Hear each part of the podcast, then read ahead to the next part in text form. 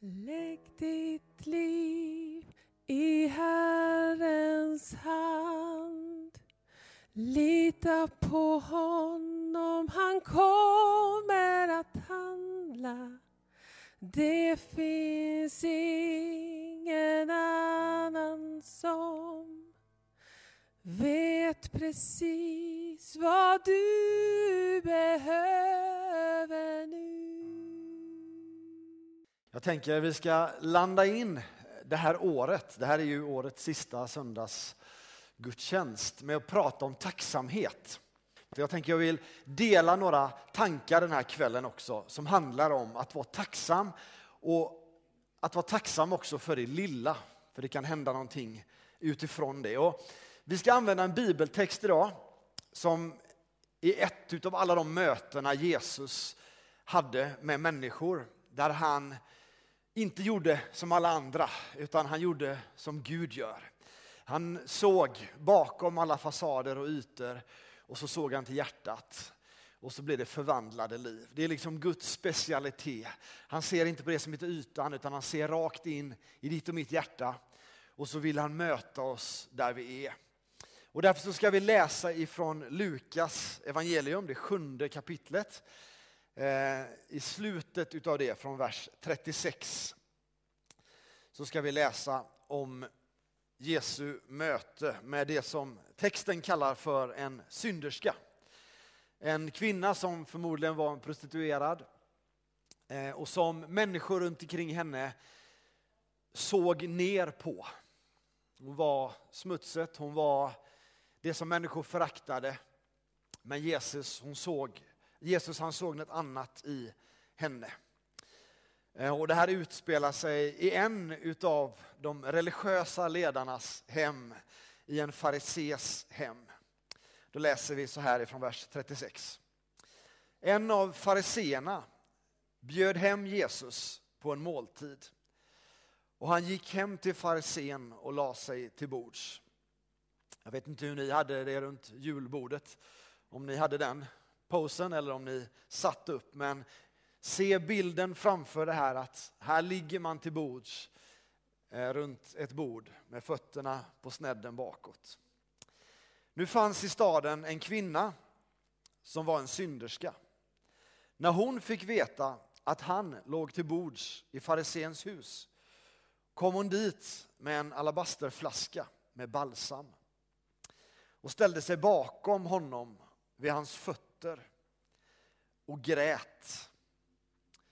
Hon började väta hans fötter med sina tårar och torkade dem sedan med sitt hår. Och hon kysste hans fötter och smorde dem med sin balsam. Farisén som hade bjudit in honom såg det och sa för sig själv. Hade han där varit en profet så hade han vetat vad det är för en kvinna som rör vid honom, att hon är en synderska. Då sa Jesus till honom, Simon, jag har något att säga dig. Han svarade, Mästare, säg det.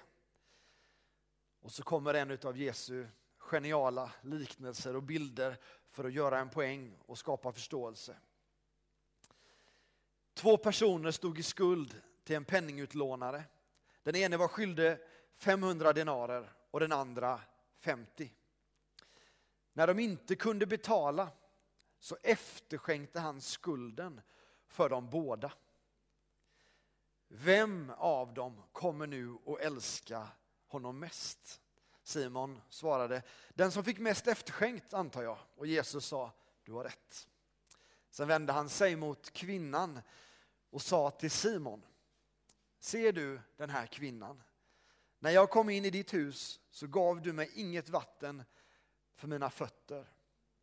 Men hon har vett mina fötter med sina tårar och torkat dem med sitt hår. Du gav mig ingen hälsningskyss. Men sedan jag kom in så har hon inte slutat kyssa mina fötter. Du smorde inte mitt huvud med olja, men hon har smort mina fötter med balsam. Därför säger jag dig, hon har fått förlåtelse för sina många synder. Det är därför hon visar så stor kärlek. Men den som har fått lite förlåtet älskar lite. Vi ska stanna vid den här texten en liten stund. Jag vill bara be en bön tillsammans med oss.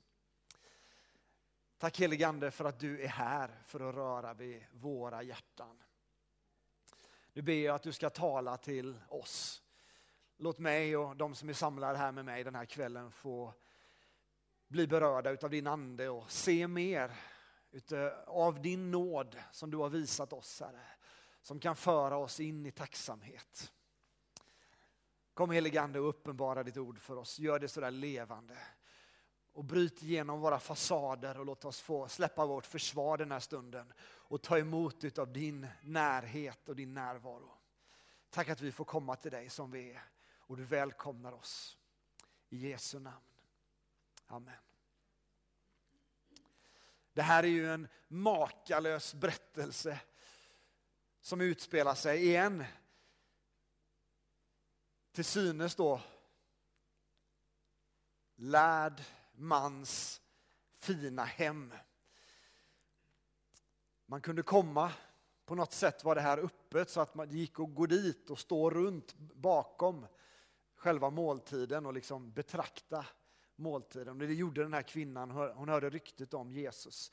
Jag menar, Jesus hade ju rört sig lite och haft sin bergspredikan och börjat möta människor och gjort både det ena och det andra. Så ryktet om Jesus var ju ute. Och den här kvinnan, hon kommer dit med en dyrbar balsam, en parfymerad dyr olja. Förmodligen så står hon där bakom ledsen, bedrövad. Ehm, jag vet inte hur lätt du har till tårar, men den här kvinnan måste ju ha varit förkrossad om hon dessutom lyckades liksom väta Jesu fötter med sina tårar. Hon grät. Förmodligen ganska drastiskt, dramatiskt. Riktiga tårar, floder av tårar. Och Jesus låter henne hålla på, bara det. Du Kan tänka dig människornas blickar där runt omkring bara, vad gör hon? Mästaren. Hon är där och liksom pillar på hans fötter och nu börjar hon söla och dregla och äckla sig, kanske några tänker. Och väta hans fötter, men det hon gör är att hon tar sitt hår och börjar torka hans fötter. En del av oss har ju lite svårare för att använda håret till sånt, Rickard, men en del kanske skulle kunna göra det. Men tänk dig själv att hon, hon använder liksom sitt eget hår, lägger sig ner på marken där vid, vid Jesu fötter som är dammiga och solkiga utav vägen.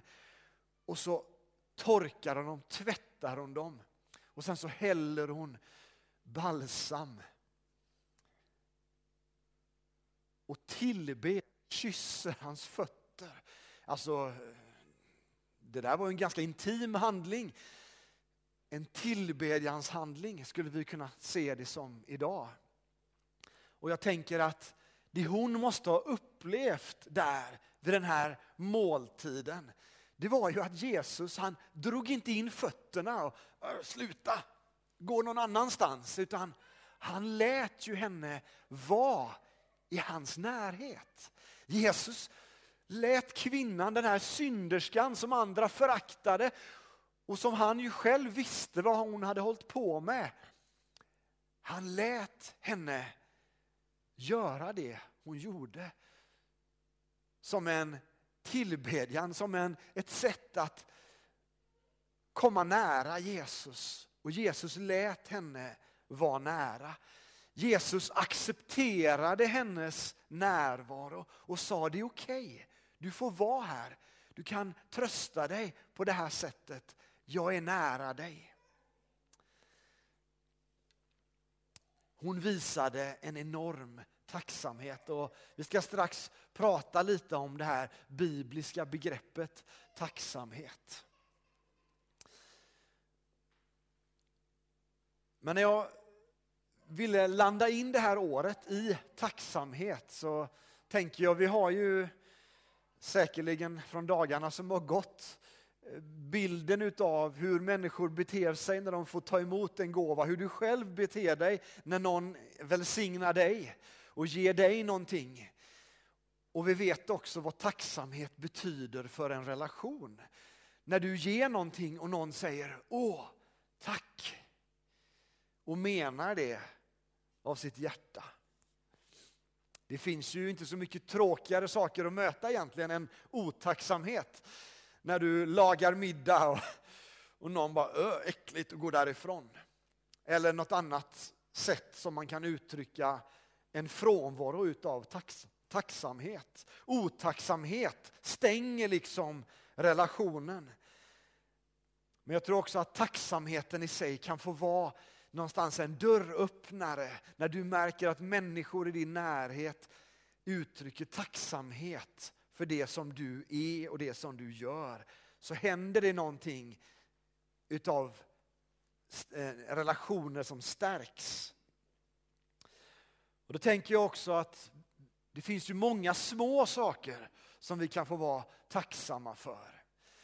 Och ibland kan man tänka att vara tacksam för det lilla, det är någonstans liksom att nöja sig med, med lite. Men jag tänker inte alls så faktiskt, utan jag tänker att det är att tänka stort och vara tacksam över det lilla. Att liksom ha fokus på det som är innehållet. Inte på det som man inte fick, utan att vara tacksam för det man faktiskt fick eller faktiskt har fått det är att tänka lite större. För om vi istället för att vara tacksamma för det vi har fått fäster blicken på det vi inte har fått så fäster vi liksom blicken på problemen och det vet vi allihopa att det hjälper inte någon. Men jag tror att det ligger många möjligheter för oss i det lilla. Att vara tacksam över det som vi har och det som vi har fått. Att liksom se potentialen i det lilla fröet som du kanske sår ner i jorden. Eller om någon ger dig en liten planta som ska vara ett äppleträd. Bara, ingen frukt på det, vad är det för meningslös liten kvist? Istället för att du tänker att åh, ett äppleträd, det kan jag få plantera, så kan jag få vattna det och så kommer det bli frukt på det. Det kan få växa till någonting som är stort. Jag tror att tacksamhet är liksom en väg framåt för oss. Både som individer men också som kyrka så tror jag det är viktigt att vi visar tacksamhet gentemot varandra. Det öppnar liksom relationerna. Det är inte att förneka eller att säga att man inte har några sorger eller att man saknar saker. Utan att vara tacksam, det är just att förlösa möjligheter för det som ska komma. Om vi tänker på svenskan för ordens, ordet tacksamhet så, så känns det lite fattigt. Men om vi läser i bibliska kontexten och grekiskan som, som Nya Testamentet är skrivet på, som det här ordet nämns ifrån Lukas, Eh, och andra ställen när vi pratar om tacksamhet så är det ett ord som inte har som svenskan bara tack som bas på något sätt. Utan det har ett annat begrepp som huvuddel, evcharisto, och det handlar om charis som betyder nåd. Tacksamheten i det bibliska sammanhanget bottnar i en erfarenhet utav Guds nåd. Nåd är ju att ha fått någonting som vi inte har förtjänat, eller hur? Jag tror att jag har nämnt det några gånger tidigare, men det är värt att påminnas om. För här ligger en nyckel till att kunna vara tacksam. Och det är precis det den här kvinnan exemplifierar med sin tacksamhet hon har erfarit att hon är välkommen in i Jesu närhet. Hon är förlåten utav honom och Jesus tillsäger också henne syndernas förlåtelse. I det här sammanhanget så säger han dina synder är dig förlåtna. Det bibliska begreppet av tacksamhet bottnar i begrepp som handlar om Guds nåd att han har gett en god nåd till dig och mig. Vi behöver fundera på hur du och jag upplever det Gud har gett oss. Ofta så kan vi kanske tänka, ja men jag är en ganska bra människa, jag har inte gjort så mycket fel, eller jag gör ju inte de största synderna. Och så lever vi där i vår självrättfärdighet och så missar vi det viktigaste av allt. Och det är att få erfara att alla människor har syndat och saknar liksom härligheten från Gud som en grund. Bara för att vi har gjort saker eller har valt att inte tro i vissa lägen och då behöver vi Guds nåd för att etablera en relation till Gud igen. Själva grundtanken med tacksamhet bottnar i att vi är förlåtna utav honom. Det som händer i den här berättelsen, om ni liksom försöker se den här bilden framför er, så är det ju att den här kvinnan, hon verkligen bara häller ut utav sin tacksamhet till Jesus. Och den här farisén, han tänker, ja men mig vill Jesus komma till för jag är ju en laglärd och fin människa. Men Jesus, han avslöjar ju det, eller hur? Han säger ju någonting till den här duktiga farisén som bara ställer hans värld på ända. Och så säger han, mycket älskar den som har fått mycket förlåtet. Hur har du det i ditt liv? Gud, han vill ta det lilla och göra någonting stort utav det. När Jesus gör sitt brödunder, ni vet det där när han har några fiskar, något bröd och så delar han inte bara ut det utan han tackar Gud för det. Han välsignar det. Då är det här ordet med av tacksamhet. Han uttalar liksom nåd över hela den stunden. Och sen så förmeras det och miraklet sker. Att få bottna i Guds nåd i våra liv, det förlöser liksom någonting utav Guds godhet. Det står i första Korinthierbrevet, ska få det ordet på väggen här. Att Gud, för det som var obetydligt, och det som för världen var obetydligt och föraktat och som inte fanns till, det utvalde Gud för att till intet göra det som fanns till. Eller som den levande bibeln beskriver det här ordet, det som har låg status och som världen ser ner på. Det som inte är något, det utvalde Gud. För att göra om inte det som anses vara någonting. Gud, han liksom presenterar någonstans riket upp och ner, där han tar det lilla som finns i ditt liv och lägger sin välsignelse till det. När du får uppleva att det här har jag fått av Guds nåd, inte för att jag har varit duktig och förtjänat det, utan för att Gud, han har bara gett mig det. På samma sätt som tron är liksom en gåva till oss ifrån Gud, så kan tacksamheten får vara en gåva. Någonting som man bara lägger ner i oss och vi får se att vi är förlåtna, att vi är älskade. Vi kan vara tacksamma, inte för att vi klär på oss någon, tack för den gåvan, egentligen jätteful, men utan att vi menar det av hjärtat, att Gud har förlåtit mig. Jag får ta emot det här av dig Gud, för att du älskar mig. Inte för att jag har förtjänat det på något sätt, utan för att du älskar mig. Gud har gett dig gåvor, inte för att du har lyckats vara superhelig i sju veckor. Inte för att du har läs, lyckats läsa tre kapitel av Bibeln varje dag i ett halvår. Det är inte därför han ger det som någon form av lön, utan han ger gåvor till dig och mig för att han älskar oss. Det här är en av de största hemligheterna som du och jag behöver upptäcka i vårt kristna liv. Att vi är så beroende av hans nåd. Att han gör det för att han har behag till dig. Han ser dig och han säger jag älskar dig. Jag älskar inte allting som du gör, utan jag vill hjälpa dig att leva heligt och rättfärdigt och fullt ut. Så som det som är gott och rent och rätt. Men jag älskar dig och jag har gett dig gåvor utav nåd.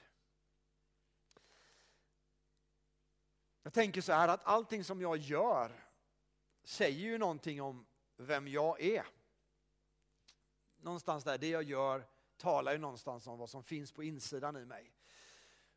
Jag tänker vi människor, vi kan ju ta små saker och göra någonting lite större utav det och någonting väldigt gott utav det. Jag har några bilder här, om vi lägger på den första bilden på en krets. Nu kan ju du det här David, så du vet ju det här. Det här är ju en liten grej. Det finns ju de här inne som jobbar med sånt här. De är i regel inte så stora, det kan de ju säkert vara också. Utan det här är någonting litet, ett mikrochip som vi människor kan göra och programmera med massa olika eh, information och sen så kan det ju bli någonting helt fantastiskt utav det. Om vi tar nästa bild, du får gissa vilken det ska vara David. Den ja, precis, som ni säkert har använt. Någonting litet, jag menar, vad ska man till den där, med den där gröna plastbiten till? Kan vi människor göra någonting sånt här fantastiskt? Ja, det kan vi ju. Inte bara slänga bort den gröna biten. Och då tänker jag likadant som gåvor Gud har gett oss. Du kanske tänker ibland, så tar vi nästa bild som heter måla. Det där skulle kunna vara en ettåringskladd på ett papper liksom, vad har jag fått för en liten gåva? Det här blir bara liksom ett svart streck. Men vi vet ju också att alla saker, till exempel nästa bild, har ju börjat med en sån liten, ett litet streck. Och så blir det någonting väldigt vackert utav det. Inte när jag målar, men ja. När Sofia målar till exempel, jämför jag det med storheterna här. Och då tänker jag också att allting som Gud gör, det säger ju någonting om vem han är. Eller hur? Och det vet vi att när Gud skapade liv så kan det ju se ganska litet ut. Eller hur? Det där är en liten fettklump eller sådär. En liten sak. Vad är det för något? Men Gud, han gör ju ett mästerverk av det här och därför så ska vi hålla också det här heligt. Det som kan bli utav det, det skulle ju kunna vara Eller om du tittar dig omkring, det måste ju inte bli en, ja vem är det nu då? Hallå, fotbollsintresserad? Naja, så ja, precis.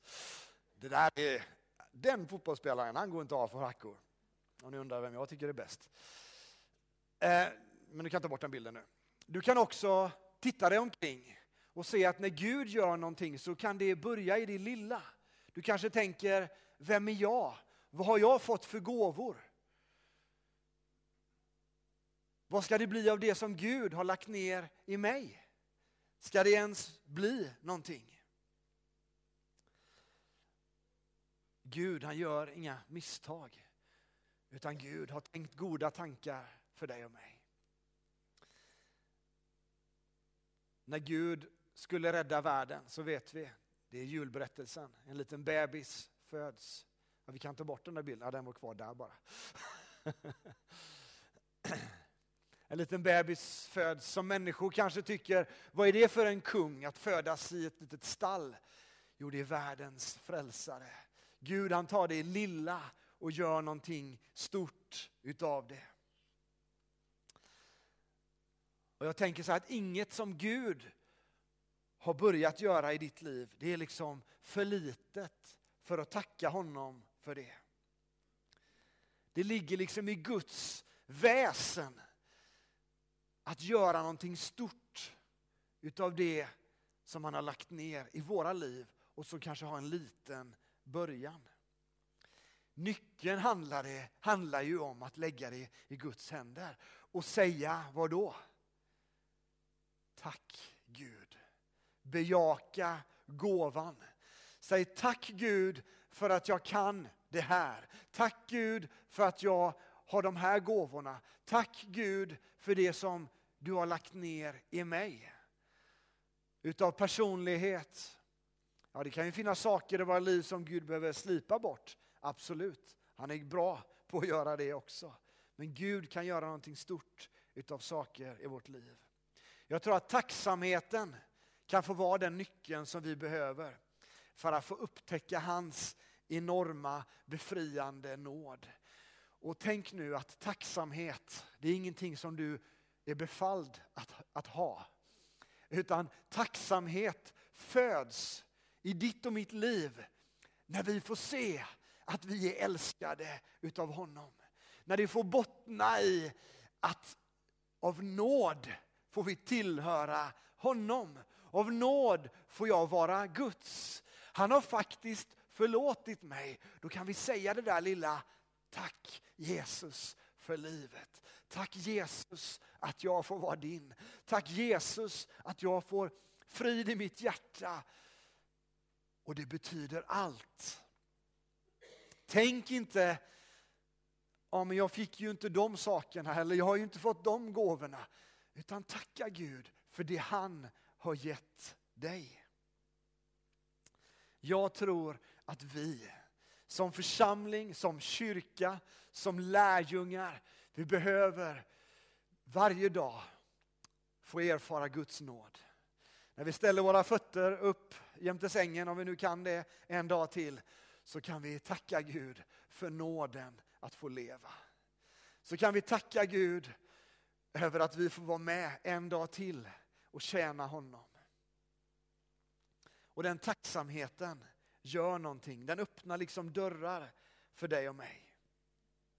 Jag vill landa ner i den här sista versen i Lukas 7. Vers 47 om du kan få upp den på väggen igen.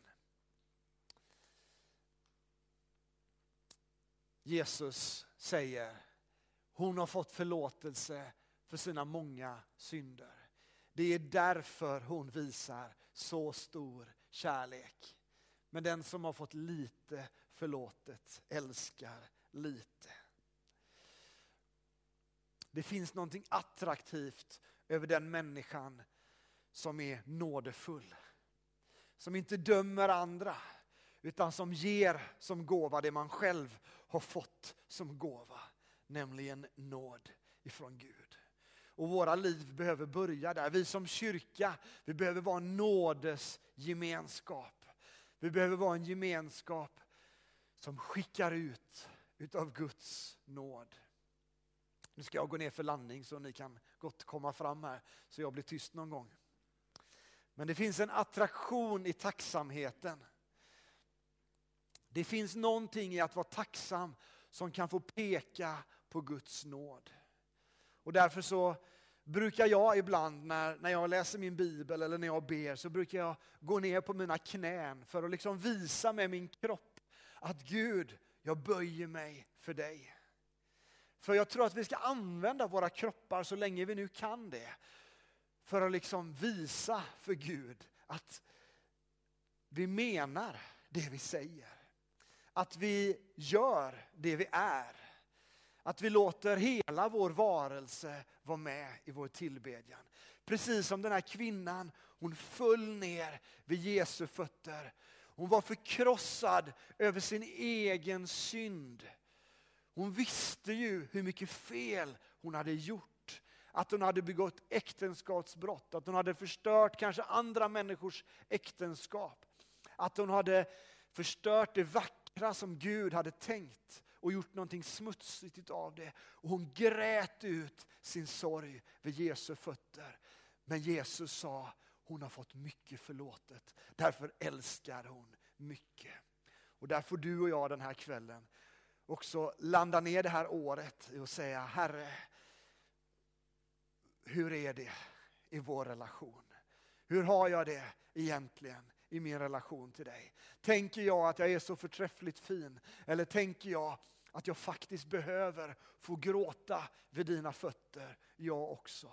Och i den här gråtstunden så kan den helige Ande göra saker i vårt liv som öppnar oss för att bli tacksamma för att ge vidare utav hans nåd till andra människor eftersom vi själva har fått ta emot den. Lägg ditt liv i Herrens hand. Lita på honom, han kommer att handla. Det finns ingen annan som vet precis vad du behöver nu